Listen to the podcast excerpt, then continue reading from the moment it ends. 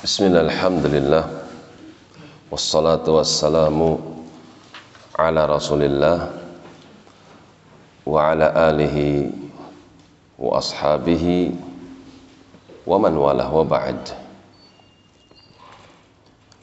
Masih di dalam Surah Al-Ahzab Sampai pada firman Allah Ta'ala Ya ayyuhalladzina amanu. Wahai orang-orang yang beriman. La tadkhulu buyutan nabiyyi. Janganlah kalian langsung masuk ke dalam rumah-rumah Nabi.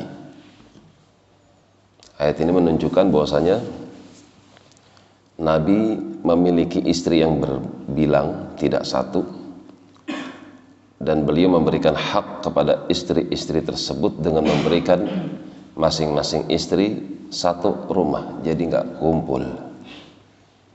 La tadkhulu buyut. Kalimat buyuta di sini jamak dari al-bait. Artinya rumahnya banyak. Istri beliau sembilan maka rumah beliau pun sembilan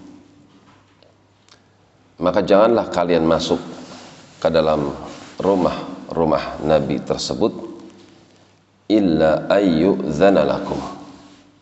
Kecuali jika diizinkan atas kalian untuk masuk kalau memang ada keperluan ila ta'amin diundang makan. Mengundang makan teman-teman mengundang makan sahabat-sahabat itu biasa dilakukan oleh salaf oleh nabi di antaranya ghairu nadhirina inahu. Akan tapi ada adab yang harus diperhatikan. Yaitu janganlah kalian melihat kepada inah melihat kepada perabotan yang ada di dalam rumah Nabi. Ayat ini menjelaskan kepada kita bahwasanya Nabi Shallallahu Alaihi Wasallam perhatian kepada orang-orang yang lemah, yang mereka membutuhkan makanan, maka kadang beliau mengundang makan sahabat-sahabatnya untuk makan di rumah Nabi.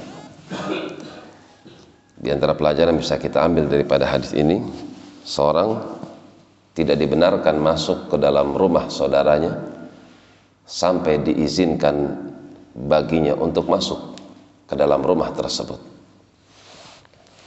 Kemudian pelajaran berikutnya yang kita bisa petik daripada ayat ini, siapa yang memiliki istri lebih daripada satu, maka sepatutnya baginya untuk memberikan haknya sesuai dengan kemampuannya. Pada asalnya istri-istri itu mendapatkan rumah masing-masing meskipun harus ngontrak. Apabila memang tidak mampu, apakah boleh baginya untuk satu rumah? Maka itu kembali kepada keridhaan sang istri. Akan tapi tentu yang paling baik adalah hudan Nabi, petunjuk Nabi Sallallahu Alaihi Wasallam. Beliau memberikan hak kepada setiap istrinya dengan memberikan rumah satu persatu kepada istri-istri beliau. والله تعالى عالم بالصواب.